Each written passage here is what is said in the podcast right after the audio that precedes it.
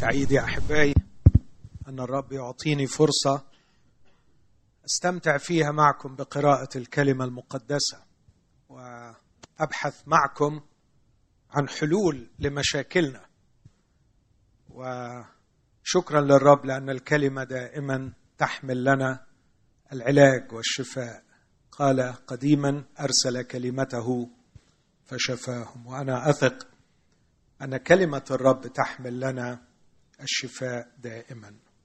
أنا هقرأ معاكم من عدة أجزاء وبعدين هقول لي أنا قريت من هذه الأجزاء المتنوعة. هبدأ بسفر المزامير ومزمور المشهور مزمور أساف مزمور 73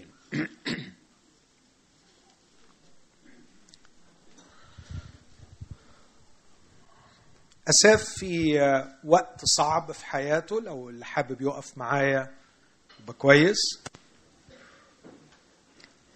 في وقت صعب في تجربة شخصية مؤلمة. أعتقد أنه بعضنا أو كتير مننا بيعدي فيها. وصفها هكذا في مزمور 73 عدد 17 حقا قد زكيت قلبي باطلا. وغسلت بالنقاوة يدي. وكنت مصابا اليوم كله. وتأدبت كل صباح. لو قلت أحدث هكذا لغدرت بجيل بنيك. فلما قصدت معرفة هذا إذا هو تعب في عيني. حتى دخلت مقادس الله. وانتبهت إلى آخرتهم. حقا في مزالق جعلتهم. أسقطتهم إلى البوار. كيف صاروا للخراب بغتة؟ اضمحلوا فنوا من الدواهي. كحلم عند التيقظ يا رب. عند التيقظ تحتقر خيالهم. لأنه تمرمر قلبي وانتخ وانتخست في كليتي وأنا بليد ولا أعرف. صرت كبهيم عندك ولكني دائما معك. أمسكت بيدي اليمنى برأيك تهديني وبعد إلى مجد تأخذني. من لي في السماء؟ ومعك لا أريد شيئا في الأرض. قد فني لحمي وقلبي صخرة قلبي ونصيبي الله إلى الدهر. لأنه هو ذا البعداء عنك يبيدون تهلك كل من يزني عنك. أما أنا أما أنا فالاقتراب إلى الله. حسن لي جعلت بالسيد الرب ملجئي لأخبر بكل صنائعك. ثم الأعداد الشهيرة جدا واللي قرأناها يمكن مئات المرات من روميا أصحاح 12 الأعداد الأولى التي تتكلم عن تجديد الذهن. رسالة روميا أصحاح 12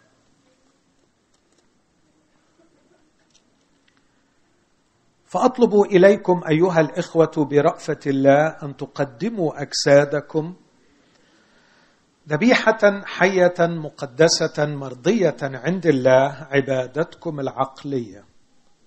ولا تشاكلوا هذا الدهر بل تغيروا عن شكلكم بتجديد أذهانكم لتختبروا ما هي إرادة الله الصالحة المرضية الكاملة. ثم رسالة العبرانيين أصحاح أربعة. عبرانيين أربعة أقرأ ابتداء من عدد أربعة عشر فإذ لنا رئيس كهنة عظيم قد اجتاز السماوات يسوع ابن الله. فلنتمسك بالإقرار لأن ليس لنا رئيس كهنة غير غير قادر أن يرثي لضعفاتنا بل مجرب في كل شيء مثلنا بلا خطية. فلنتقدم بثقة إلى عرش النعمة لكي ننال رحمة ونجد نعمة عونا في حينه.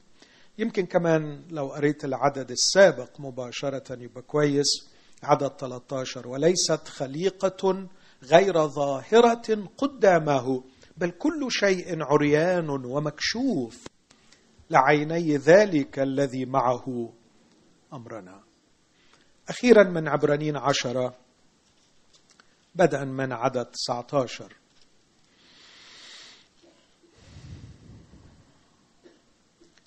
فإذ لنا أيها الإخوة ثقة بالدخول إلى الأقداس بدم يسوع. طريقا كرسه لنا حديثا حيا بالحجاب أي جسده. وكاهن عظيم على بيت الله. لنتقدم بقلب صادق في يقين الإيمان مرشوشة قلوبنا من ضمير شرير ومغتسلة أجسادنا بماء نقي. لنتمسك بإقرار الرجاء راسخا لأن الذي وعد هو أمين.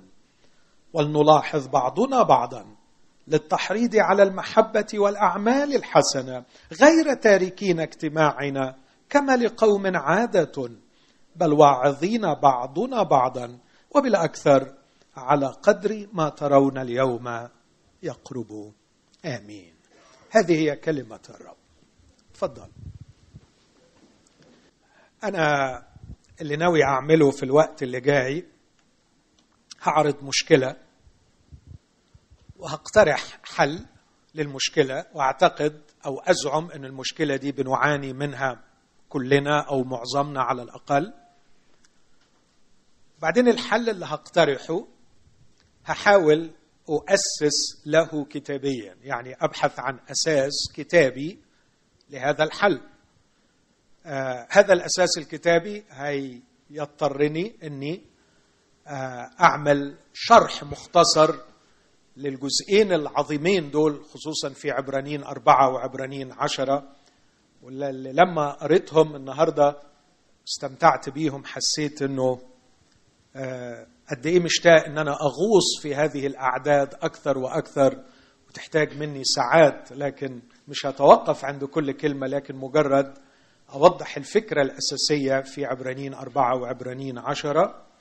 وأخيرا أقدم تطبيق عملي للحل اللي أنا هقترحه.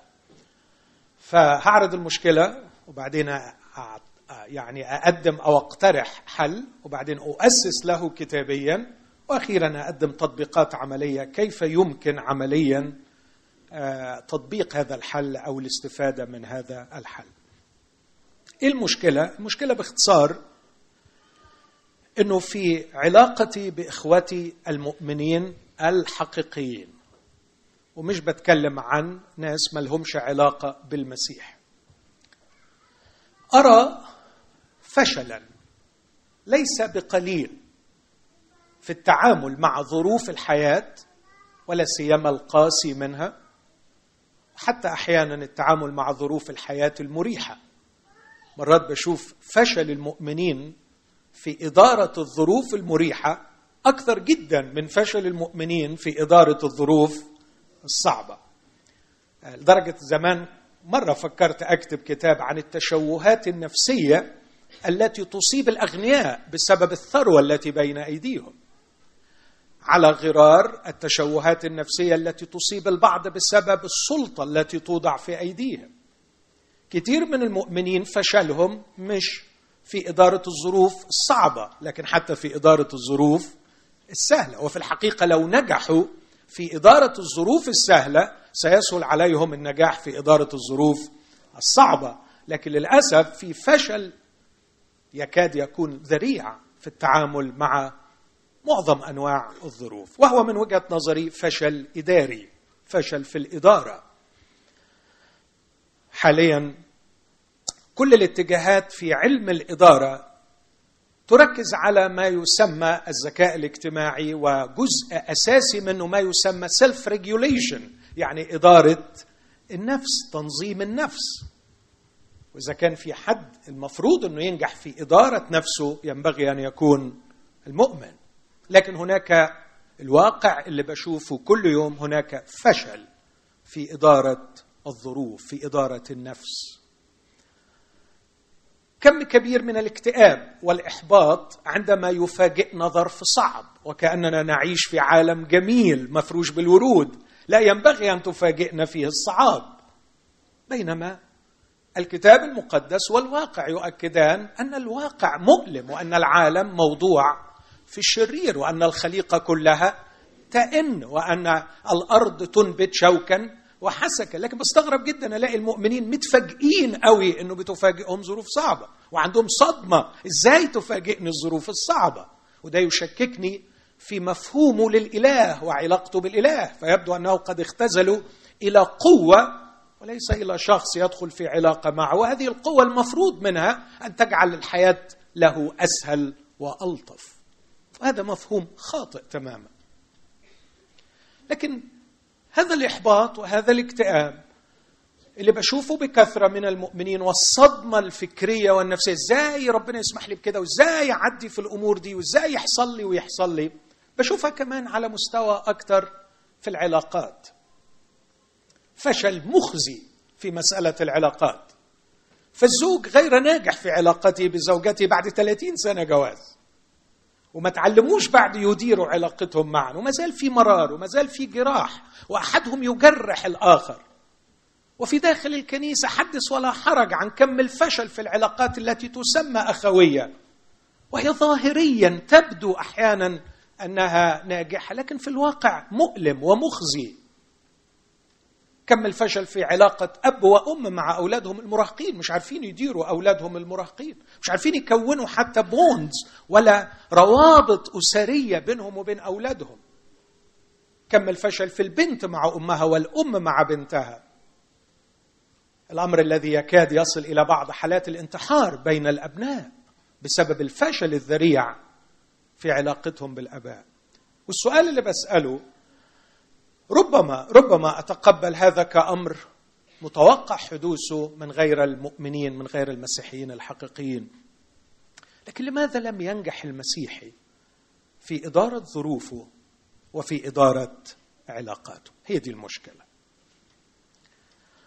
من يتابع تاريخ مصر في الخمسين سنة الأخيرة ويتابع النقاشات والحوارات التي تدور حول هذا البلد وحول مشاكله بدءا من كشك صغير إلى المؤسسة الكبرى في البلد.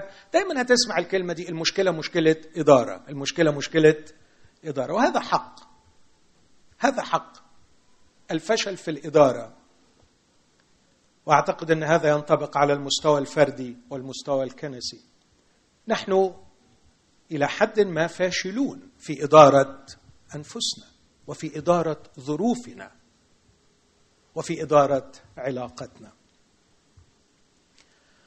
هنا أقتبس اقتباسين وأنطلق إلى الحل. الاقتباس الأول من جي كي تشسترتون وده واحد من أعظم العقول اللي ظهرت في التاريخ. في إنجلترا يعتبرونه أعظم مفكري الإنجليز في القرن العشرين. كان ملحدا لكنه صار مسيحيا وكتب هذا التقرير الجميل في نهاية حياته. قال إن الوضع هذه ترجمة؟ أعتقد أنها دقيقة لما قالوا. أن الوضع المسيحي الصحيح ليس أنه جرب وفشل. في إنجاح الإنسان في التعامل مع الحياة. أو أقولها بلغة أخرى الوضع المسيحي الصحيح لم يجرب حتى يمكنك أن تقول عنه أنه قد فشل. الوضع المسيحي الصحيح لم يفشل. لكن قال كده تشسترتون لقد وجد صعبا فتجاهل الناس تجريبه. بصوا عليه لقيوه صعب. ولأنهم مش عايزين يشتغلوا ومش عايزين يتعبوا فما جربوهوش. ما يقدمه المسيح يسوع لي كفرد. يمكنني أن أنجح في إدارة نفسي وظروفي وعلاقاتي. لكن ما يقدمه المسيح يسوع لي كفرد علشان أقدر أنجح في هذه الإدارة في مهمة الإدارة صعب وعشان كده إحنا بنجنب أنفسنا عناء الجهاد أو الاجتهاد. ونلجأ إلى الحلول الدينية السهلة وما أرخصها وما أسخفها. الحلول الدينية السهلة التي نلجأ إليها وهي عقد صفقات مع الإله في صور مختلفة أن نقدم له شيئا وننتظر منه المقابل. وكل طائفة وكل عقيدة وكل ديانة ما بتغيرش عن المنهج ده بس بتغير في الديل. فكل طائفة تقول لك بتقدم إيه وهو هيعمل إيه. وده جوهر الدين والدين اختراع بشري اخترعوه البشر لكي يحل محل العلاقة الحقيقية مع الله. وطبعا كل واحد بيتولد في طائفة معينة أو في ديانة معينة بيطلع بيتبرمج على هذا الفكر وهو يظن أن مع الوقت مع الوقت يظن أنه هو الذي اختار هذا بينما في الواقع لم يكن له أي اختيار لكن هو ذهنه تمت قولبته وبرمجته على أن هذا هو الوضع الصحيح. ويظل في هذه الممارسة السخيفة في هذه الصفقة الفاشلة يحاول أن يقدم للإله بعض الأشياء منتظرا أن الإله يعوضه وعندما يفاجأ بأن الإله لم يقدم له ما توقعه يبدأ الاكتئاب ويبدأ الفشل ويبدأ المعاناة ويبدأ تجار الدين أيضا يقدمون له مزيد من المبررات لكي يستمر في هذه اللعبة ويستمر عملهم هم أيضا. هذا وضع الحقيقة مخزي للغاية وعلينا أن نستفيق. المسيح يسوع يقدم وضعا مسيحيا. أشهد وأقول قادر على أن يجعل الإنسان ناجحا في إدارة ظروفه وفي إدارة علاقاته. وإذا لم نفهم هذا أحبائي فلا داعي أن نتكلم عن الخلاص. ما هو الخلاص؟ إن اختزال الخلاص إلى مجرد الذهاب إلى السماء هي هرطقة مسيحية. الخلاص هو خلاص النفس من فشلها. خلاص النفس من خطيتها خلاص النفس من تشوهها. هو خلاص النفس الذي يجعل بولس يقول لتيموثاوس اجتهد اعكف ليكون تقدمك ظاهرا في كل شيء. والذي يجعل يوحنا يكتب لغايوس ويقول له أروم أن تكون ناجحا وصحيحا في كل شيء. المسيح يسوع جاء لكي ينجح الإنسان يغير الشخصية الإنسانية يغيرها عن شكلها بتجديد ذهنها ويجعلها قادرة على أن تعيش في مشيئة الله الصالحة المرضية الكاملة. اذا هناك مشيئة من جهتي كشخص وهذه المشيئة صالحة ومرضية وكاملة. ولا أعتقد ابدا أنه يرتبط الصلاح والرضا والكمال مع الفشل. لما تقول صالحة مرضية كاملة ما ينفعش يبقى معاها كلمة فشل. إذا هناك مشكلة في فهمنا للعلاقة والوضع المسيحي الصحيح وأنا أتفق مع هذا الفكر. مش أنه فشل في إنجاحنا عجز عن إنجاحنا. في الواقع هو وجد صعبا فلم يجرب. ولماذا وجد صعبا؟ لأنه بيقدم غالبا مع حزمه من الحلول الدينية المطروحة على الساحة. في حزم دينية كثيرة مطروحة على الساحة. ده بيقدم لك أوفر وده بيقدم لك أوفر. وغالبا الإنسان يميل للاسترخاص فيشتري العرض الأرخص الأسهل. روح الكنيسة رنم لك ترنيمتين احضر اجتماعين آه، خد خلوتك الصبح اعمل شوية حاجات كده وكل حاجة هتبقى صلي وصوم وكل حاجة هتبقى زي الفل. هنحاول نكتشف مع بعض إنه مش ده بالظبط الحل. الاقتباس الثاني اللي اقتبسه قبل ما أدخل على التأسيس الكتابي أو الحل اللي بطرحه هو اللي قاله واحد من أعظم المديرين في العالم أساتذة الإدارة في العالم اسمه بيتر دروكر. هذا الرجل يعتبر الأشهر في عالم آه، تدريب المديرين الكبار. ففي مرة جمعوا له 500 أعظم 500 قائد لأكبر 500 شركة في الع... في أمريكا. يقضي معهم يوما كاملا سي أو اوز كلهم. وبدأ الرجل يومه بأنه جعلهم يجلسون مجموعات ليناقشوا ما هي السمة التي ينبغي توافرها في المدير الناجح الذي يدير مؤسسة كبيرة. ابتدوا يتناقشوا ويكتبوا ويفكروا ويقولوا ولما رجعوا له رفض كل الإجابات قال إن المدير الناجح يحتاج قبل كل شيء هذه الصفة defining the reality. أن يعرف الواقع أن يقرأ الواقع قراءة جيدة قراءة صحيحة. محتاج يبقى شايف. شايف واقع نفسه شايف واقع العالم من حوله شايف واقع الناس. الشخص الذي يفشل في قراءة الواقع حتما سيفشل في إدارة حياته. إيه المصادر اللي عندك؟ إيه المعوقات اللي قدامك؟ إيه المشاكل الحقيقية اللي بتقابلك؟ هو الغلط فين بالضبط الفرد الذي يفشل في قراءة الواقع حتما سيفشل في إدارة حياته لأن الإدارة الصحيحة تعتمد على القراءة الصحيحة للواقع. وطبعا أقول والكنيسة التي تفشل في قراءة الواقع ستفشل حتما في إدارة هذا الواقع وستفشل في تحقيق رسالتها في هذا العالم. نحتاج إلى قراءة جيدة للواقع. بناء على الأفكار اللي قلتها دلوقتي أطلع بخلاصة وأقول هناك معاناة بين المؤمنين كبيرة في إدارة ظروفهم وفي إدارة علاقاتهم في فشل. الوضع المسيحي الصحيح بريء من هذا الفشل.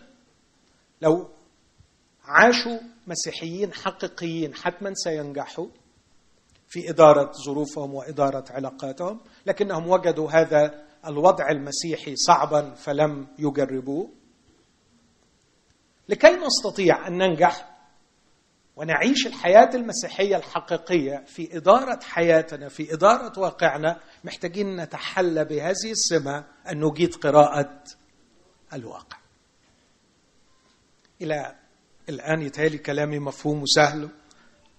لغاية دلوقتي متابعين معايا؟ طيب. الحل اللي بطرحه بقى. عشان أجيد قراءة الواقع.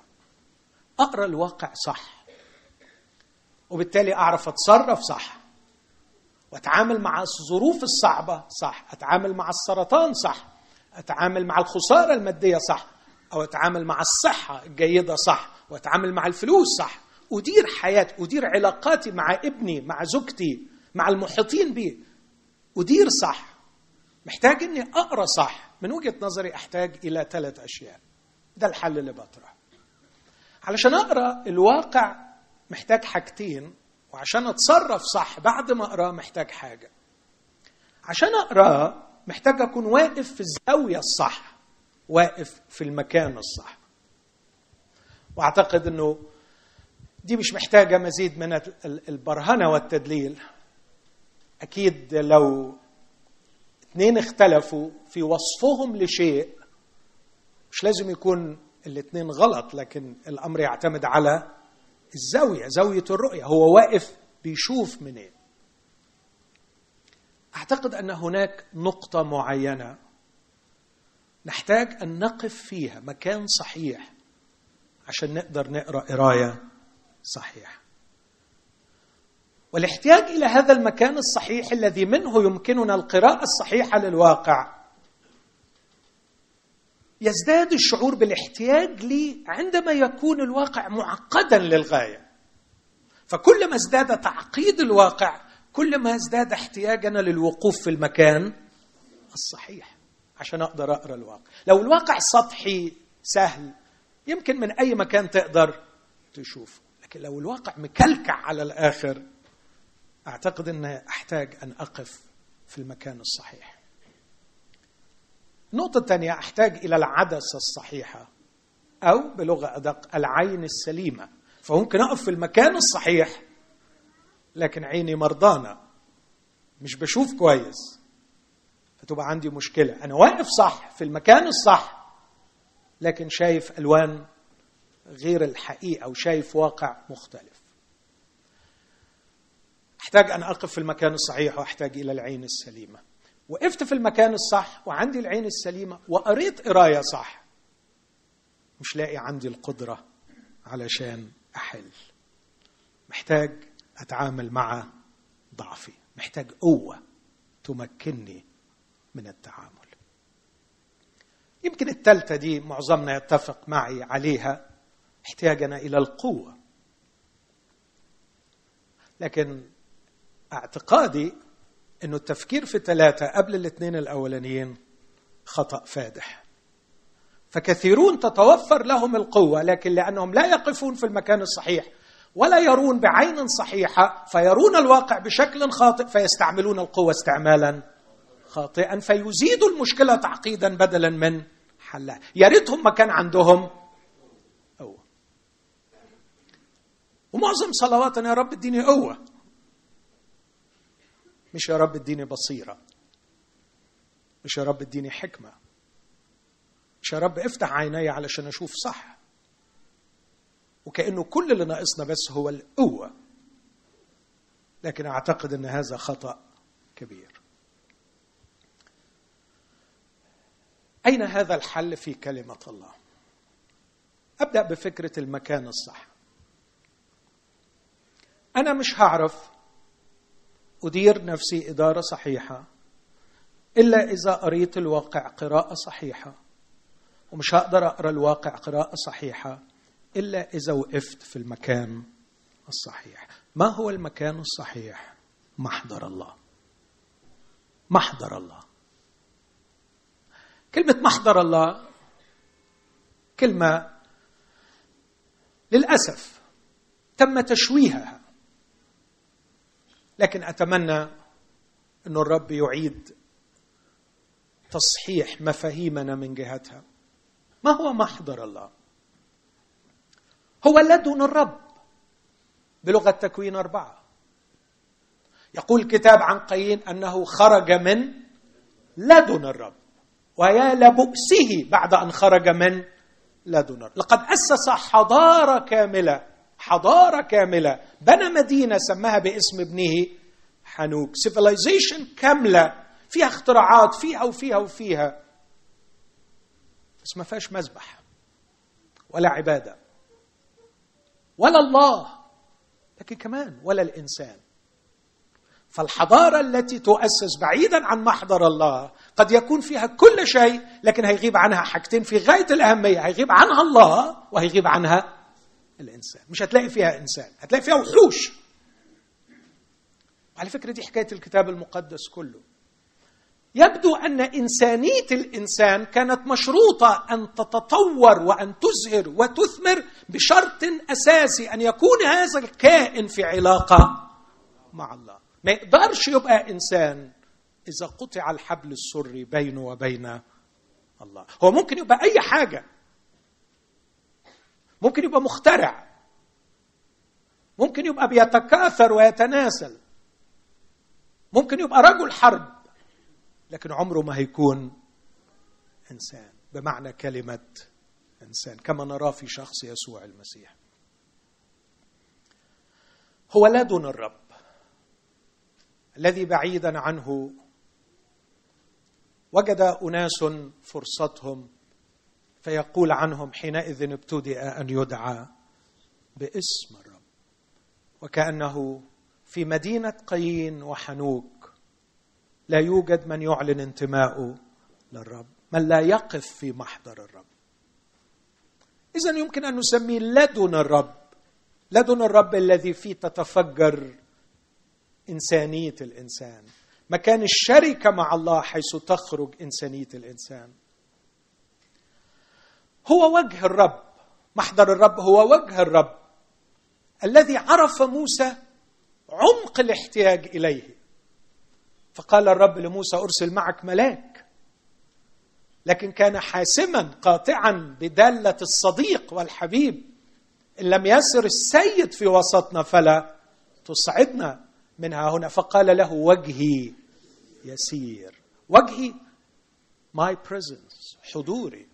ستختبر شيئا من الصحبة الإلهية.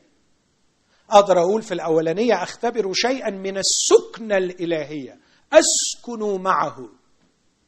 أسكن فيه. أسكن في حضنه. أستقر فيه.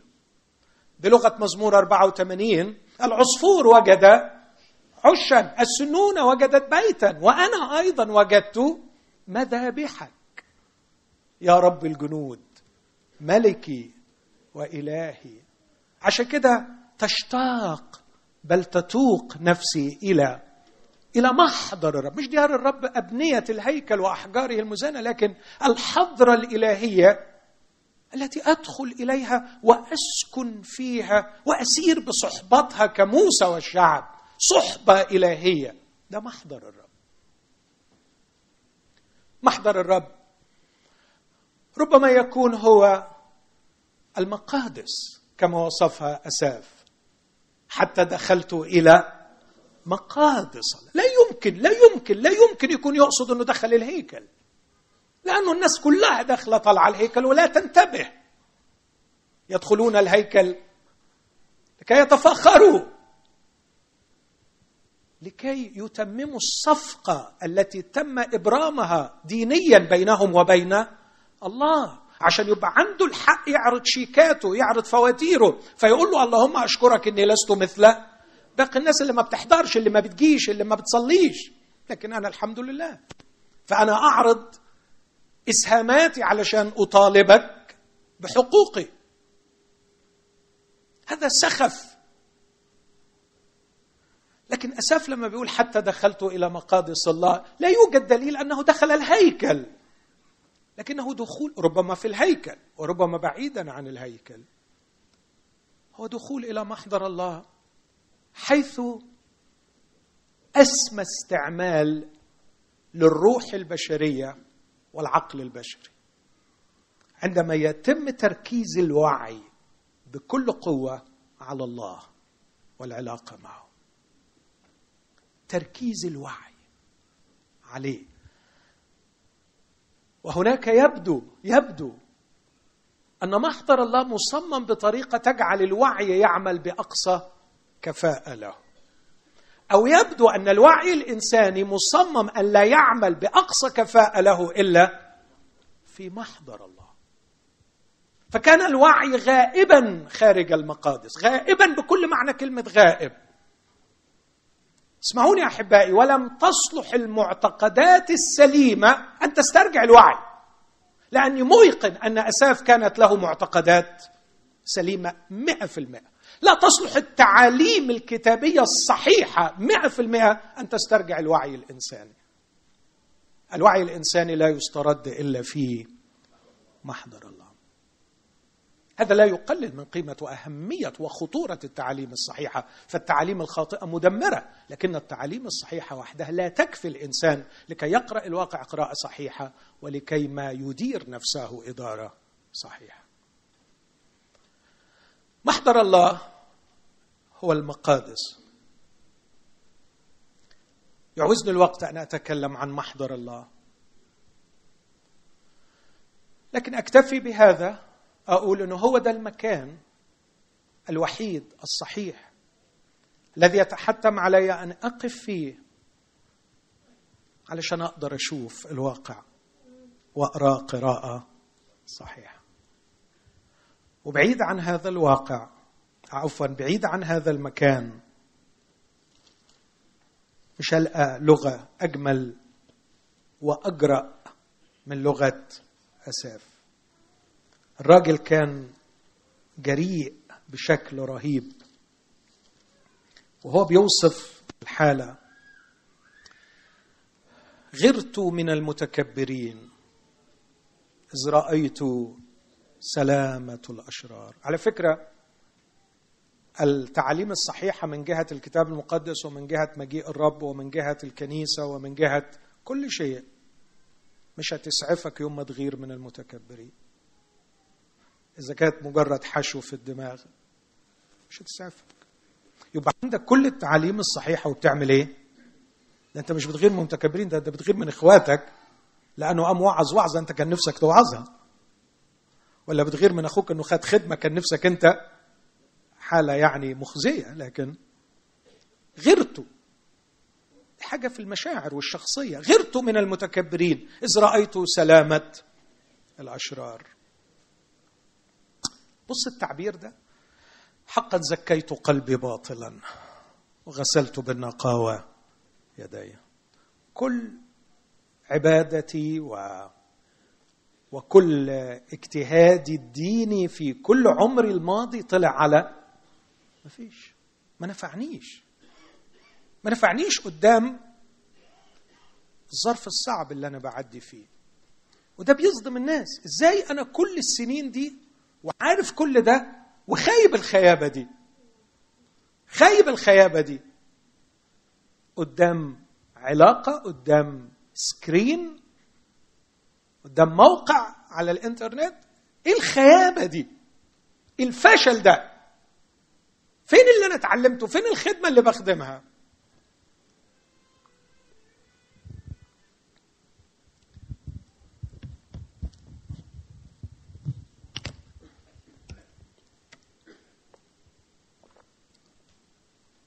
كنت مصابا اليوم كله. تأدبت كل صباح. لدرجة خجل من نفسه فقال مش هقدر أتكلم وإلا أغدر بالشباب. لما قصدت معرفة هذا إذا هو تعب في عيني. لكن يقول العبارة اللي إحنا حافظينها حتى دخلت مقادس الله. وانتبهت إلى آخرته. حاجة غريبة جدا لما تقرأ عدد 18 و19 و20 على العكس تماما من رؤيته في عدد الثلاثة وأربعة وخمسة وستة وسبعة. رؤية على فكرة لنفس الناس بس رؤية مختلفة تماما بسبب المكان الصح اللي وقف فيه. مرات كثيرة وأنا بسمع من إخواتي بعض المشاكل طول الوقت وأنا بسمع بحاول أفهم رؤيته. هو شايف شايف الواقع إزاي وعمال يحكي باقتناع عميق جدا. وبيبقى كل اللي نفسي أعمله اديله قلمين. اعدل اعدل كده اعدل كده. حاول تشوفها من الناحية الثانية تعالى يمين تعالى شمال. غير موقفك. لكن تعمل إيه؟ خلاص. لقد تحجر العقل وتحجرت الشخصية للوقوف في هذا المكان دون أدنى استعداد لافتراض أنه هناك زاوية أخرى يمكن أن يقرأ منها الواقع قراءة مختلفة. مفيش فايدة مش قادر يحس بكده ابدا. دي أسوأ حالات ممكن الإنسان يصل إليها.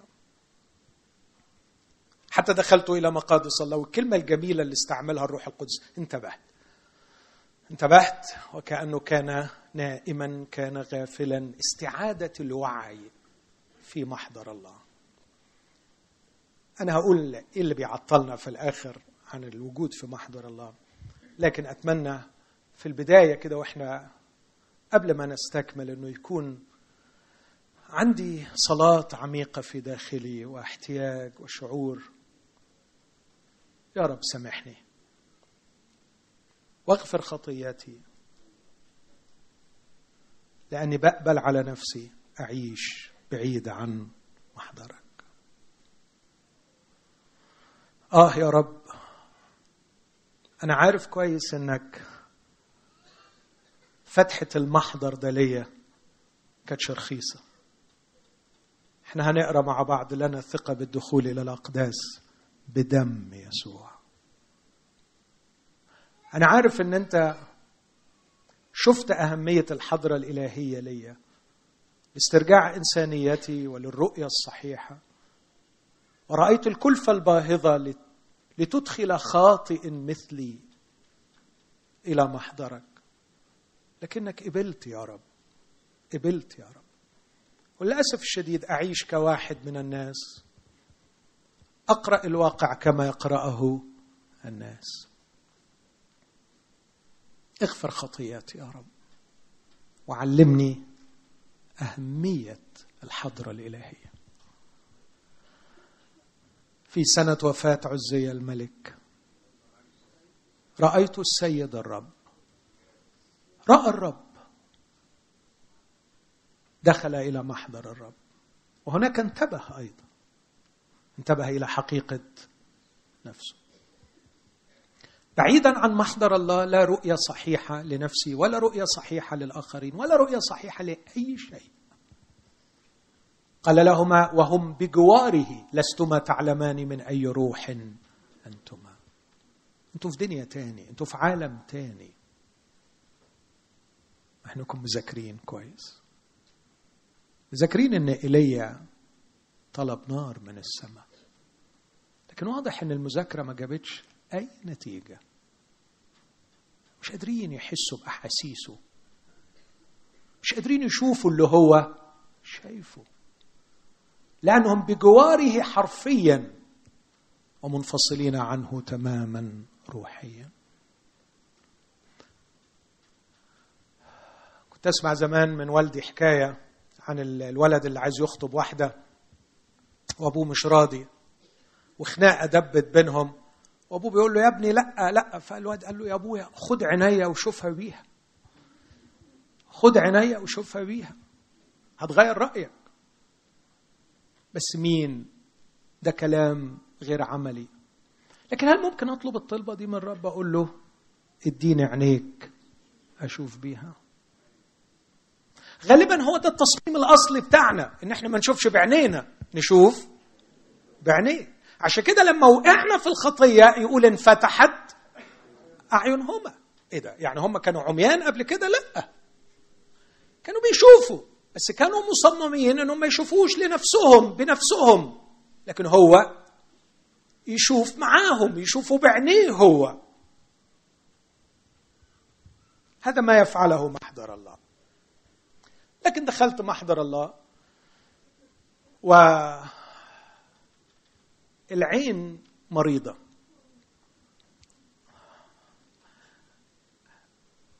أنا عارف إن الصحيان بدري يوم الجمعة متعب. بس أنا ممكن أنام برضه وأنا بوعظ يعني لأن توبة معدية.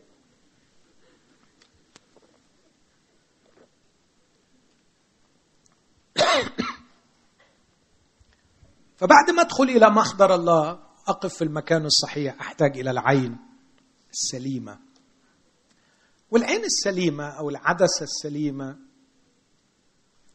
هي تركيبة عقلية صحيحة.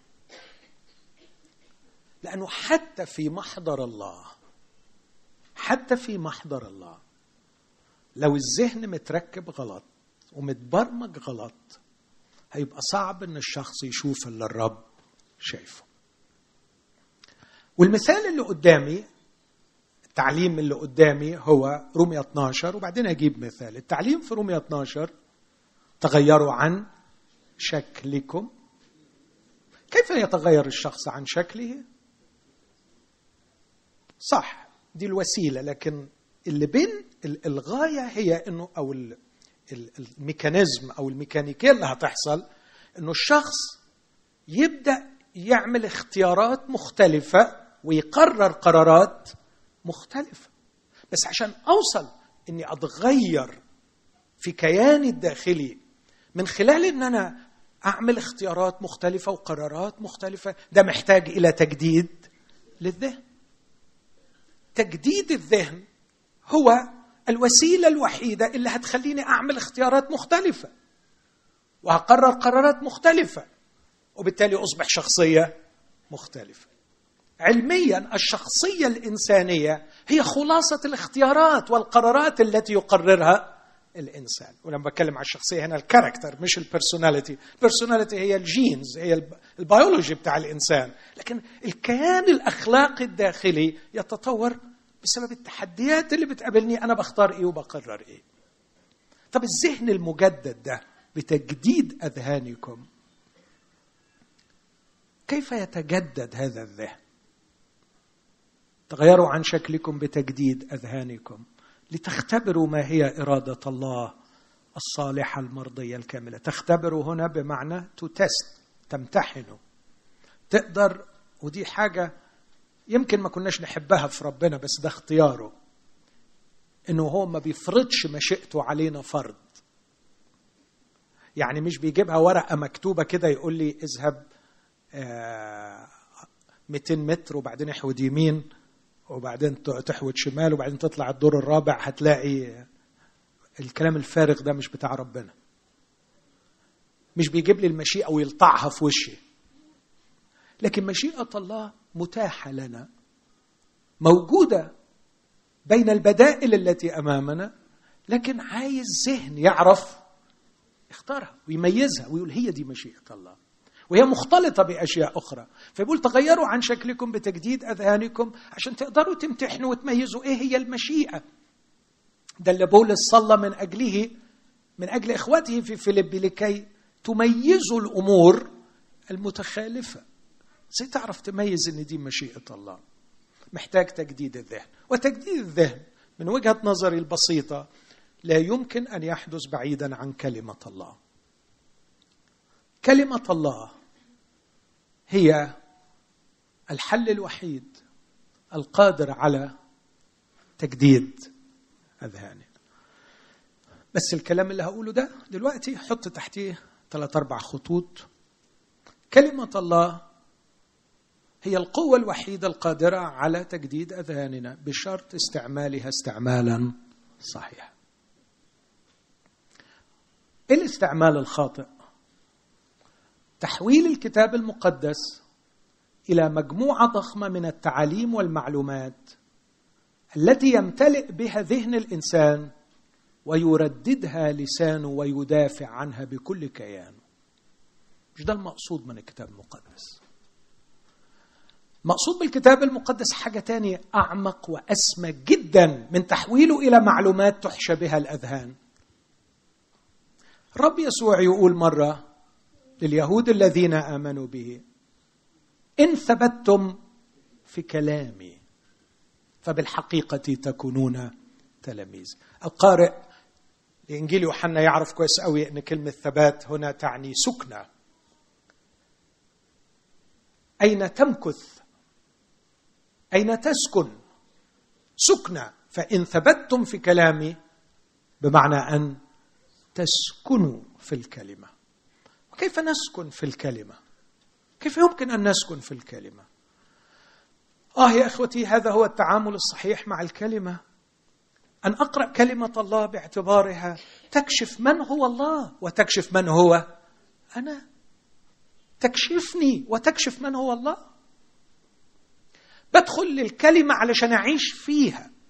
بدخل للكلمة علشان أراها قصة طويلة وأنا جزء من هذه القصة. أبحث عن إلهي في هذه القصة وأبحث عن نفسي. من يومين أعترف بضعفي. كنت بقرأ الكتاب الصبح في سفر صموئيل الثاني. ولقيت روحي بصراحة اتمليت بالغيظ وبالغضب وقفلت الكتاب بغضب شديد. قلت مش معقول يا رب القرف ده؟ إيه اللي بيهببه داوود ده؟ ده اللي حصل مني بالظبط. ما تعملوش زيي أنا بس بقول لكم ضعفي وغضبي. شوية حاجات بصراحة مقززة. غير أخلاقية وغير إنسانية. بعدين بعد ما عملت كده قلت أنا إيه اللي هببته ده؟ تلاقي الرب صعب عليه مني دلوقتي. فقعدت أعتذر للرب. سامحني يا رب. قال لي لا. على فكرة هو الكتاب مكتوب عشان يخلق فيك الشعور ده. عشان يبقى عندك حالة من الاشمئزاز من هذه الأخلاقيات. أنا عايزك تمتزج بالكتاب بحيث إنك تتعلم الاشمئزاز من الخطأ عندما تراه في نفس. على فكرة أنت من نفس الطينه بتاعت داود ودي روعة هذا الكتاب إنه مش بيقدم مثاليات ومعلومات. بيقدم واقعنا البشري بكل دقة. واقعنا البشري بكل دقة. مش عشان نقراه ونختزل إلى وعظات ومعلومات. لكن علشان ندخل فيه ويدخل فينا. نتغلغل في هذا الواقع ويتغلغل فينا. ده السكريبت بتاع الثيودراما ده ده السكريبت بتاع القصة الكبيرة اللي إحنا عايشينها دلوقتي. لازم الشخص اللي هيلعب دوره يعيش جوه السكريبت يعيش جوه الكتاب والكتاب يعيش جواه. فيبقى عنده الانبهار بالله وعنده الحيرة من جهة الله وعنده الغضب على نفسه وممكن يفرح بنفسه.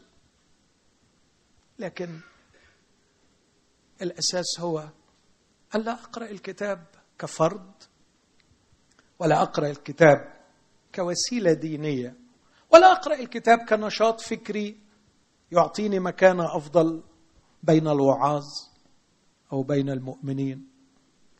ويتباهى أحدنا على الآخر بحجم المعرفة لأنه ده عارف تكات كده غيره ما يعرفهاش وبيعرف يعمل توليفات غيره ما يعرفش يولفها.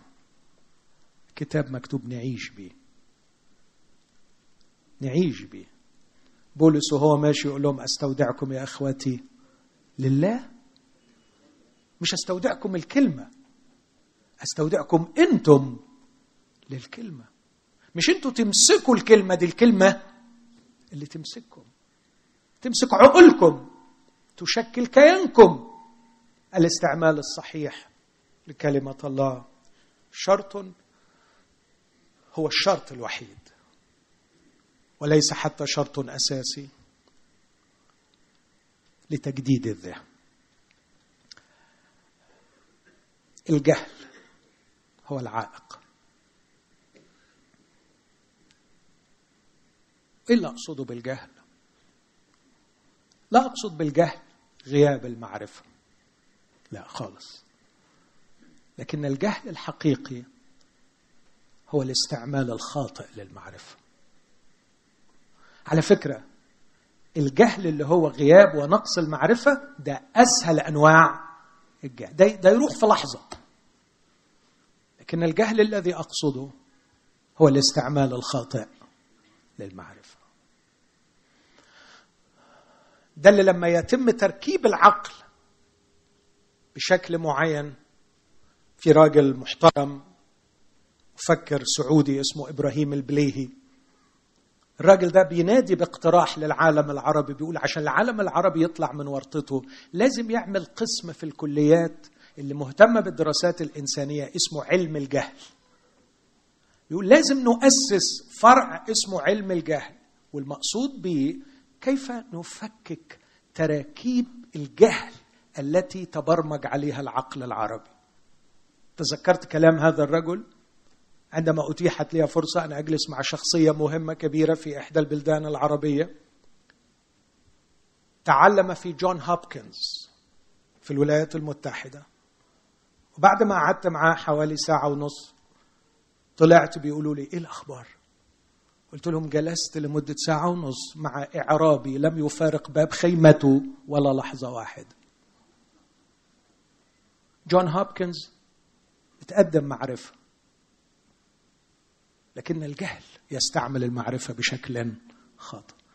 على فكرة معظم الإرهابيين اللي دمروا أطباء وناس متعلمة ومعظم اللي بيجرحوا الناس وبيحطموهم أحيانا بالوعظ ناس متعلمة. مش جهلة لأن الجهل ليس نقص المعرفة لكن الجهل هو إساءة استعمال المعرفة. تلميذي عمواس صار معهم يسوع ستين غلوة حوالي 12 كيلو متر مسافة مش قليلة تقريبا 12 كيلو متر لو افترضت إنه الكيلو متر ياخد له ماشيين بيحكوا بيتناقشوا 15 دقيقة ف 12 في 15 ب 180 يعني ثلاث ساعات ماشيين مع بعض. أعتقد إنهم كانوا في محضر الله. لأنه يسوع نفسه معهم. وهم حبوه وقلبهم ولع. بس يسوع قال لهم كلمة وهم ماشيين. أيها الغبيان. والبطيء القلوب في الإيمان. مش قادرين يفهموا ليه مش قادرين يفهموا؟ لأنه تم تركيب العقل على شكل خاطئ. تركب غلط. على فكرة الرب يسوع كان يفسر لهم الأمور المختصة به في جميع الكتب. لا أعتقد أبدا أن كان معاه موبايل طلع عليه النصوص. ولا أعتقد ابدا إن كان ماشي بالسكرولز بتاعت المخطوطات يعني يوريها لهم. لكن هو حافظها وهم كمان أكيد حافظينها. ولما بيقول لهم عن النص هم هم عارفين النص. بس عمرهم ما عاشوا جوه النص. لأنهم لو حاولوا يعيشوا جوه النص كانت هتنتابهم حالات نفسية وفكرية مرعبة. أدي مثل هم إيه صدمتهم الكبيرة إن يسوع اتصلب؟ طب أسأل سؤال يا يا جماعة يا, تلاميذ يا محترمين يا مخلصين. هو حضرتكم ما قريتوش ابدا اشعياء 53 قريتوا اشعياء 53 ولا ما أكيد قروه. طب عملوا إيه لما قروه؟ عملوا إيه؟ تم توظيف اشعياء 53 طبقا للمنظومة الفكرية التي كانت تحكم فكره. سهله قوي الحكاية دي. إنك تقرأ النص طبقا للي أنت عايز تشوفه. لأنك مش أمين مش مخلص مش م... مش بتدخل وعايز الكلمة تنور وتكشف وتعيش جواها. فكان كلام يسوع أيها الغبيان.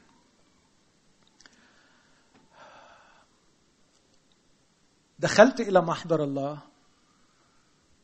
وقفت قدام ربنا وبعيش قدام ربنا بتعامل مع الكتاب بشكل صحيح لكن يبقى في النهاية طيب قريت الواقع قراءة جيدة. من أين القوة؟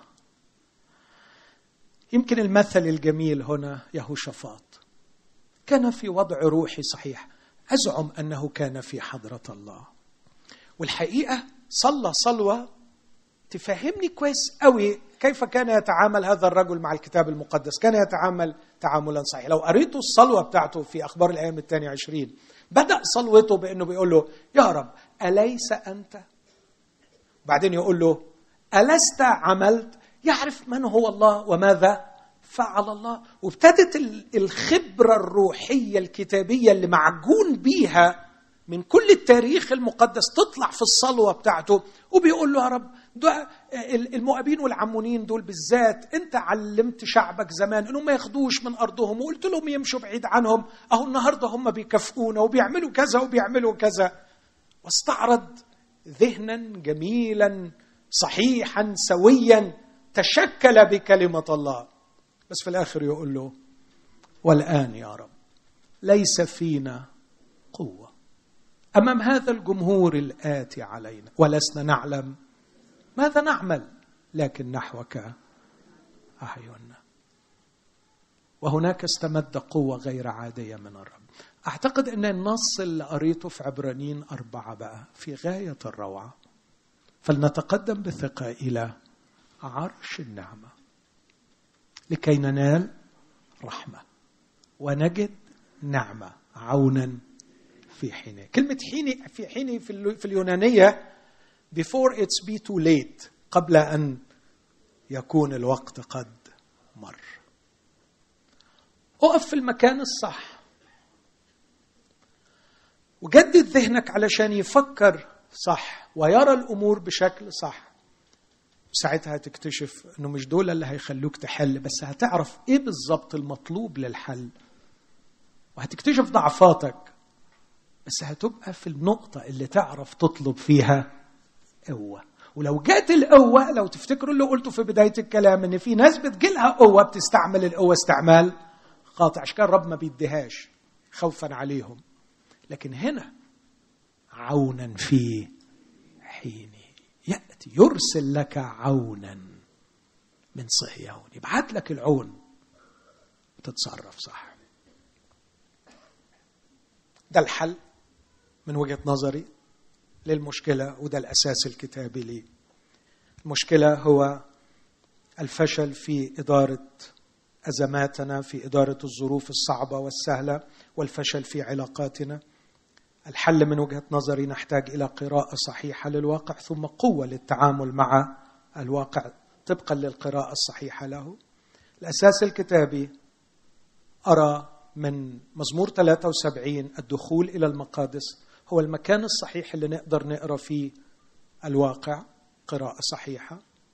عبرانيين عشرة لنا ثقة أيها الإخوة بالدخول إلى الأقداس طريقا بدم يسوع طريقا حديثا حيا كرسه لنا المسيح بالحجاب أي جسده وكاهن عظيم على بيت الله. فلنتقدم بقلب صادق في يقين الإيمان مرشوشة قلوبنا من ضمير شرير ومغتسله أجسادنا بماء نقي ندخل. لكن وأنا في هذه الحضرة الإلهية كنت سبقت وقعدت كتير اجدد ذهني بالكلمة بحيث أن أعرف أقرأ بعين سليمة. وهناك في المكان الصحيح وبذهن صحيح أرى الواقع بشكل واضح للغاية فأعرف نقاط ضعفي وأعرف احتياجاتي الحقيقية. وأفاجأ أن العرش الذي أنا أمامه هو عرش نعمة. يتاح لي في كل ما أطلب. أنال رحمة وأجد نعمه عونا في حينه هختم بتطبيق عملي. ما العائق الذي يمنعني من الدخول إلى محضر الله؟ ما العائق الذي يمنعني من تجديد ذهني بكلمة الله؟ ما العائق الذي يمنعني من طلب القوة من عرش النعمة؟ أجاوب على الثلاث أسئلة دول بسرعة. السؤال الأول كلنا عارفين إن يسوع لما مات شق الحجاب وبقي محضر الله مفتوح لينا ونوعظ بقى للصبح عن يعني يقينية هذا الحق. أيوه ما أنا عارف بس السؤال أنت بتدخل محضر الله؟ بتدخل محضر الله وبتعيش فيه الإجابة مؤلمة شوية لا ما بيحصلش. ليه؟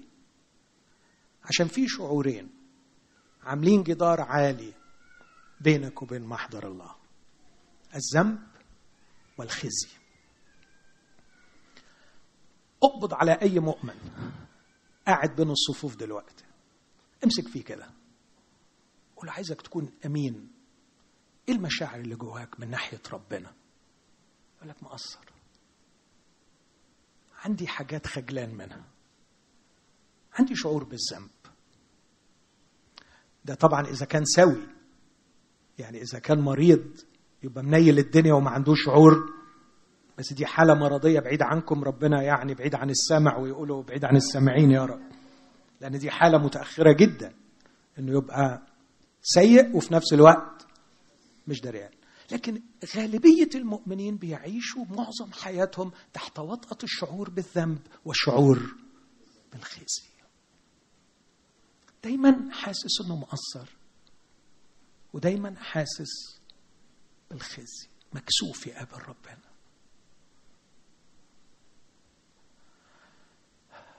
بستغرب أننا نستمر بهذه المشاعر ونعيش بها.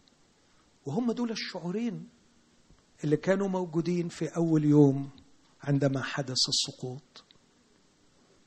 سمعت صوتك في الجنة فخشيت لأني عريان. عارف إن أنا غلطت؟ وخجلان. إخوتي الأحباء أتمنى أن الرب ينير عيوننا. فعندما نستشعر الذنب والخزي حسن تقدر تطور عندك هذه القدرة الروحية. أول ما تشعر بالذنب والخزي تروح رامي روحك في حضنه. ده محتاج تدريب. لأنه البرمجة الدينية إنك لما تبقى وحش روح أعمل إيه؟ صلح وبعدين قرب الفكر المسيحي العكس تماما. بيقول أول ما تشعر روحك إنك مذنب وخزيان. دي اللحظة المناسبة اللي تدخل فيها الأقداس. معقول؟ أدخل الأقداس دلوقتي؟ لا على الأقل كده الواحد إيه؟ ينظف نفسه ويوضب روحه ويتوب عن القرف اللي هو بيعمله وبعدين يدخل. اهدي الكارثة الكبيرة اللي منع الإقامة في الأقداس. لأنه الحقيقة معظم الوقت بيكون عندنا شعور بالذنب وبالخزي. وده اللي بولس عمال يكافح يكافح في رسالة العبرانيين كفاح مستميت علشان يوصلوا للمؤمنين. يا جماعة لنا ثقة لنا كلمة لنا لاحظ مش عندنا لكن هي لنا دي بتاعتنا. إحنا من حقنا يكون عندنا الجرأة دي الثقة دي. بالدخول إلى الأقداس بدم يسوع. يا جماعة دفع دمه علشان يخلي واحد شكلي يقدر يدخل إلى أقداس الله. أنا وحش أنا مقصر. أنا عاكك الدنيا. أيوة. أيوة بس ده ما يمنعش أبدا إني أدخل إلى محضر الله. لا بس كده يعني تبقى عملية يعني سداح مداح كده. يعني كده نبقى بوظنا الدنيا. طب خلاص مش هنبوظ. اقترح حضرتك الحل. يعني إمتى الواحد يدخل؟ لما يبقى عدل. عدل؟ عدل؟ طب وإمتى هيبقى عدل؟ ولما يبقى عدل ويدخل اذا المسيح مات بلا سبب. أقدر أقول هللويا وشكرا له ما جاش من أجل العدلين لأنه ما فيش ولا عدل ولا واحد. الجميع زاغوا. الخبر الحلو النهارده اللي نفسي يتغلغل في كيانك مهما كان شعورك بالذنب والخزي هو ده الوقت المناسب إنك تدخل إلى أقداس الله. واعرف إن أقداس الله ما نزلتش المستوى. اسمع أقداس الله ما نزلتش مستوى القداسة بحيث تلم شكلي تلم الأشكال دي. أقداس الله ما نزلتش المستوى. أقداس الله عرفت توجد الطريقة اللي بيها تحتفظ بمقياسها العالي وفي نفس الوقت تفتح الباب لمثلي. لنا ثقة بالدخول إلى الأقداس بدم يسوع. أما من يريدون أن يتبرروا بأعمالهم بأن يصلوا إلى مستوى معين يمكنهم من الدخول إلى أقداس الله فهم ما زالوا يعيشون بفكر الدين وفي جوهر العهد القديم. لكن المسيحية مختلفة عن هذا تماما. الخزي والذنب. زمان كتبت حكاية بسيطة أوي مستوحاة من قصة مع ابني. فتحت الباب ودخلت. وكنت متعود كان عمره يمكن ثلاث سنين. أجمل شعور أنه أول ما يسمع المفتاح في الباب يجي جري يستقبلني وينط عليا. فما جاش. فأنا انزعجت في حاجة غلط. فدخلت لأمه بقول لها مجد هو جو عيان؟ ماله نايم؟ قالت لي لا ده أنا لسه مدياله شاور وكان زي الفل بيلعب. قعدنا ندور إحنا الاثنين على الواد في البيت مش لاقينه خالص. في الآخر فجأة لقيته في ترابيزة واطية جدا مستخبي تحتيها. وعمال يعيط. طلعته من تحت الترابيزة. مالك؟ فتح علبة الألوان وكب الألوان على روحه. بوظ القلم وكب اللي فيه على روحه. فبوظ هدومه. وسخ هدومه. وخايف من ماما. طلعته. وكان الدرس اللي فهمته له إنه أحسن تصرف لما هدومك تتوسخ إنك تروح لماما مش تستخبى من ماما. فالاختباء تحت الترابيزة مش هيحل المشكلة هيزود المشكلة وقمت كتبت المقالة دي لما أتوسخ الاختباء لن ينفع. بالعكس أنا أشد احتياجا لحضرته لما بتوسخ. شعر إنك متوسخ. هو ده الوقت المناسب إنك تدخل لحضرته. والشيء العجيب إن حضرته اقداسه الناصعه البياض تتسع للمتسخين مثلي. ترحب بالمتسخين مثلي. بل ربما تغلق في وجه من يرون أنفسهم انقيام إمتى بقى هتنتصر على الضعفة دي؟ إمتى بقى هتبطل قاعد تهري وتبري وقاعد مع نفسك تاكل في روحك في ألمك لأنك متوسخ؟ خلونا ندرب روحنا. أول ما نتوسخ أول ما نشعر بالذنب أو بالخزي لا دفء لنا ولا حضن لنا إلا في الأقداس. لنا ثقة بالدخول إلى الأقداس بدم يسوع. والراجل قال بصراحة يا جماعة أنا عارف إن ده صعب بس ده طريق إيه؟ حديث. يعني إيه حديث؟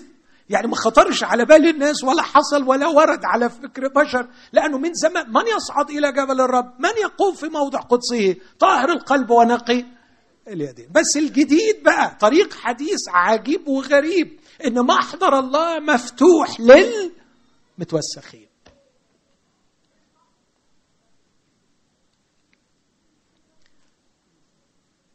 زمان كنت أصلي الصلوة دي. يا رب أنا مكسوف منك. أنا متوسخ. بس لو كنت أعرف حتة بعيدة عنك يمكن أتنظف فيها واجي لك نظيف كنت هروح بس اللي اتعلمته إن مفيش حتة أنظف فيها إلا عندك. فهجي لك برضه. فمتوسخ هجي لك نظيف هجي لك وبما إني في معظم الأوقات متوسخ يبقى لازم أعمل إيه؟ أجي لك على طول. أجي لك على طول. الوعي بصحبته الوعي بحضرته المكوث أمامه وهناك أجد العلاج الصحيح للذنب وللخزي أما الاختباء وسط أشجار الجنة لن يحل المشكلة يا آدم. لن يحل المشكلة. والاختباء وراء إدانة الآخرين لن يحل المشكلة يا إشعياء. ادخل واكتشف واصرخ وتأكد أن المذبح موجود وهتسمع صوته دم يسوع المسيح ابنه يطهرنا. من كل خطية. إذ لنا هذه الثقة بالدخول إلى الأقداس بدم يسوع طريقا حديثا حيا كرسه لنا المسيح بالحجاب أي جسده. وإذ لنا دي دي since we have since we have وكمان لأنه لنا كاهن عظيم على بيت الله بما أن وبما أن اذا فلنتقدم بقلب صادق في يقين الإيمان. ولدينا شيئين موضوعيين مش ذاتيين. نقدر نركن عليهم. مرشوشه قلوبنا من ضمير. شرير مش إحنا ارتبطنا بهذا الشخص الذي ذبح من أجلنا وأتينا إلى دم رش يتكلم أفضل من ابيه ومغتسل أجسادنا بماء نقي مش إحنا اختبرنا الولاده الجديدة. لنتقدم. ادخل. ادخل واقعد هناك. وما تتحركش إلا من هناك. ده التطبيق العملي اللي يخليني أتغلب على ابتعادي عن محضر الله. إني أنتصر على شعور الخزي والذنب. طب وإزاي أتغلب على الجهل اللي معطلني عن تجديد ذهني؟ اولا أعرف إنه اللي معطل تجديد ذهني هو الجهل. يبقى قلنا دلوقتي الذنب والخزي وكمان إيه؟ الجهل. اللي ملوش في الثلاث حاجات دول ينسى الوعظه دي خالص. ملوش دعوة باللي أنا بقول. ده مش تبعي. لكن أنا بتكلم عن ناس بتعاني من الذنب والخزي وكمان الجهل. ما هو الجهل؟ عرفته. ليس نقص المعرفة لكن الاستعمال سيء للمعرفة. يعني معقول أكون عارف وبعك؟ يس يس أيوه أيوه صدقني عارف وبتعك. عشان كده راجع نفسك وقول مش يمكن الأمور غير كده مش يمكن أفكر فيها بطريقة تاني. وده اللي عمله الرب يسوع. يا جماعة بصوا كده شوية تعالى كده شوية اطلع من هنا شوية. يمكن تشوف الدنيا بشكل مختلف. انت دماغك اتركبت بطريقة غلط. أصعب شيء تفكيك بنية الجهل. لا مش أصعب. أكاد أقول بدون عمل إلهي معجزي من المستحيل تفكيك بنية الجهل. وبنية الجهل لا تبنى في الجبال تبنى في الأذهان. فعندما يبنى الجهل في الأذهان بحيث لا يرى الأمور إلا بشكل معين يحتاج إلى معجزة إليه. بس على الأقل الشخص يعترف ويقول له أنا بليد ولا أفهم. طب إزاي تعرف إنك بليد؟ يا أخي شوف النتائج شوف الواقع شوف المشاكل اللي أنت فيها. ما عكة معاك من كذا ناحية. مش ده يقول إنك ممكن تكون بتفكر بطريقة غلط؟ بص الفشل اللي عمال يحصل بص الخسائر بص الاستنزاف اللي عمال يحصل. طبعا للأسف شديد الجاهل بقى يحاول يجد مبررات للفشل. بيغيروا مني. هم بيكرهوني عشان بيغيروا مني. أو مش مقدرين قيمتي. أو أصل إحنا في عالم شرير والبار دايما متألم. يا عم يمكن انت اللي عاكك الدنيا مع مراتك ومعذبها ومطلع عينيها. يمكن. لا لا لا بس مش مقدرة مواهبي. ممكن. والعكس طبعا مع الستات. طب وماذا عن عرش النعمة؟ الكتاب الرائع والعظيم كتاب الله قالها بطريقة غاية في الروعة. بيقول أقراها من عبرانيين أربعة وأختم بيها. إذ لنا لأنه ليس لنا رئيس كهنة غير قادر أن يرثي لضعفاتنا بل مجرب في كل شيء مثلنا بلا خطية فلنتقدم بثقة إلى عرش النعمة لكي ننال رحمة ونجد نعمة عونا في حينه. أكثر شيء بيمنعنا من الصلاة الصحيحة هو عدم قدرتنا على رؤية ضعفاتنا. أنا خلاص خلصت بس ركزوا معايا.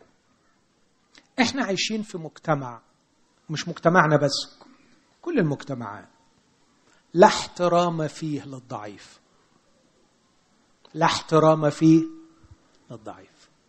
في الكنيسة للأسف لا احترام للضعيف. أنت لازم تكون كفء لازم تكون قوي عشان يرحب بيك. دي حقيقة ولا أنا بيتهيألي؟ لا بيتهيألي مش بيتهيألي. دي حقيقة. هتحترم وهتتحب وهتتقبل على قد قوتك. ضعفاتك تقلل من سعرك. فتلقائيا من غير ما نحس كلنا بنتفنن في إخفاء ضعفاتنا. وبقينا أساتذة في إخفاء الضعفات. فأنت يعني كل واحد مننا على مر السنين طور كمية ضخمة من الأساليب اللي يعرف بيها لما يطلع للمجتمع يكون بيخبي ضعفاته. طول ما أنت بتخبي ضعفاتك مش هتعرف تصلي. ومش هتعرف تستفيد من عرش النعمة. لأن عرش النعمة سبحان الله مخصص بس للضعفاء. وأقول لك على خبر جميل.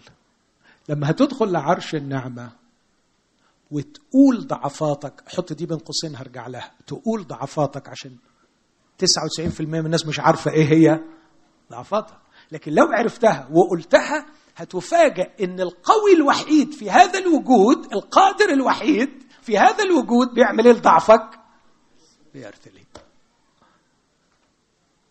ليس لنا رئيس كهنة غير قادر أن يرثي لضعفات لا. القدير الوحيد هو القادر على أن يرثي لضعفاتنا ويقول لي بقى خبر تاني أعجب. قلت تعرف يا ماهر وانت بتكلمني عن الضعف اللي فيك. أنا عايز أقول لك على حاجة. أنا مش بس فاهمك حبيبي. أنا جربته. جربته.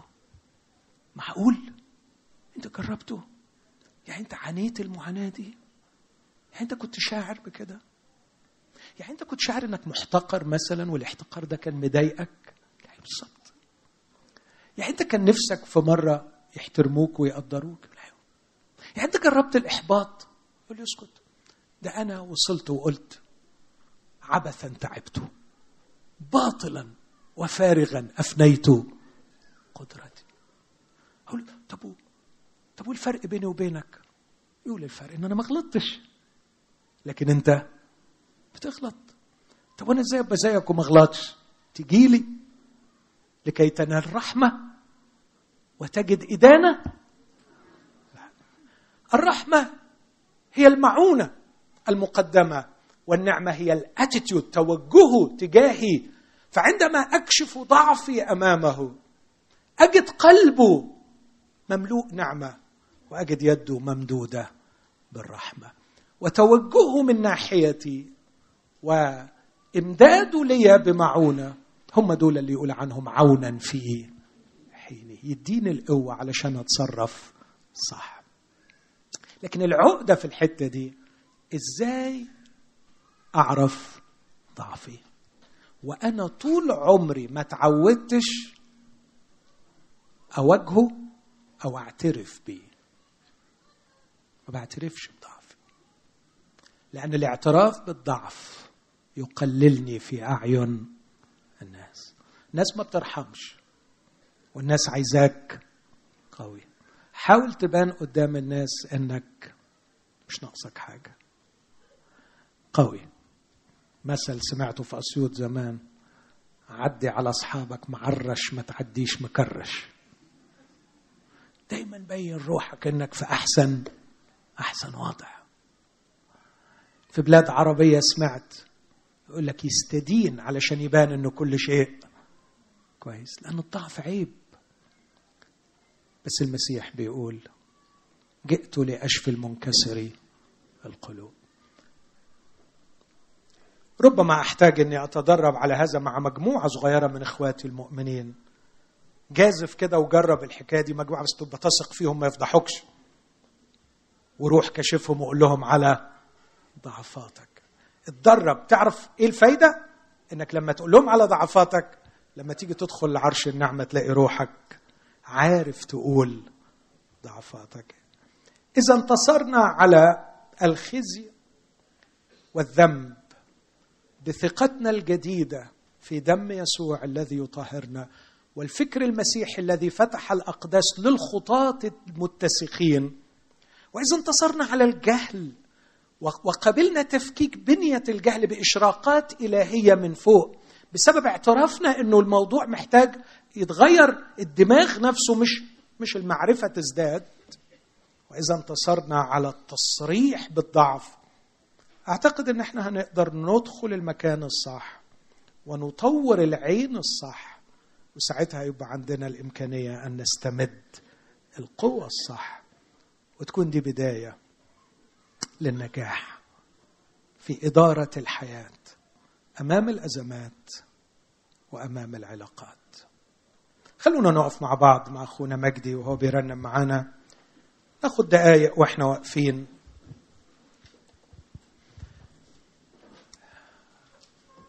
أكيد الرب أو أتمنى إن الرب يكون وصل لك فكرة تصلي بيها في الوقت اللي جاي. الوقت ده مهم قوي لو تقدر تستنى دقيقتين ثلاثة تتكلم مع الرب. لو النور نور في حتة معينة اطلب بخصوصها اتكلم مع الرب بخصوصها. بدخل عرش النعمة وبسكب نفسي أمامك ناظر ليك. واسجد لك من قلبي وبطلب إنك ترفع نفسي ليك. بدخل عرش النعمة وبسكب نفسي أمامك ناظر ليك. واسجد لك من قلبي وبطلب إنك ترفع نفسي ليك. أصلك سامع قلبي الضارع قلبي اللي بيشتاق لحضورك. إلمس روحي يشفي جروحي واكشف كل خبايا بنورك أصلك سامع قلبي الضارع قلبي اللي بيشتاق لحضورك. المس روحي يشفي جروحي واكشف كل خبايا بنورك. بدخل عرش النعمة وأرنم تنطلي الكلمات تسبيحة وفي قلبي ليك يتكلم وأقدم لك نفسي ذبيحة. بدخل عرش النعمة وارنم تنطلي الكلمات تسبيحة ويفيد قلبي ليك يتكلم وأقدم لك نفسي ذبيحة. أصلك سامع قلبي الضارع قلبي بيشتاق لحضورك المس روحي اشفي جروحي واكشف كل خبايا بنورك. أصلك سامع قلبي الضارع قلبي اللي بيشتاق لحضورك المس روحي واشفي جروحي واكشف كل خبايا بنورك. أدخل عرش النعمة وصدق ان وعودك هو الذاتي. واثق إنها فيك تتحقق وتتمم قصدك في حياتي. بدخل عرش النعمة وصدق ان وعودك هو الذاتي واثق إنها فيك تتحقق وتتمم قصدك في حياتي. اصلك سامع قلبي الضارع قلبي اللي بيشتاق لحضورك. المس روحي واشفي جروحي واكشف كل خبايا بنورك أصلك سامع قلبي الضارع قلبي اللي بيشتاق لحضورك المس روحي واشفي جروحي واكشف كل خبايا.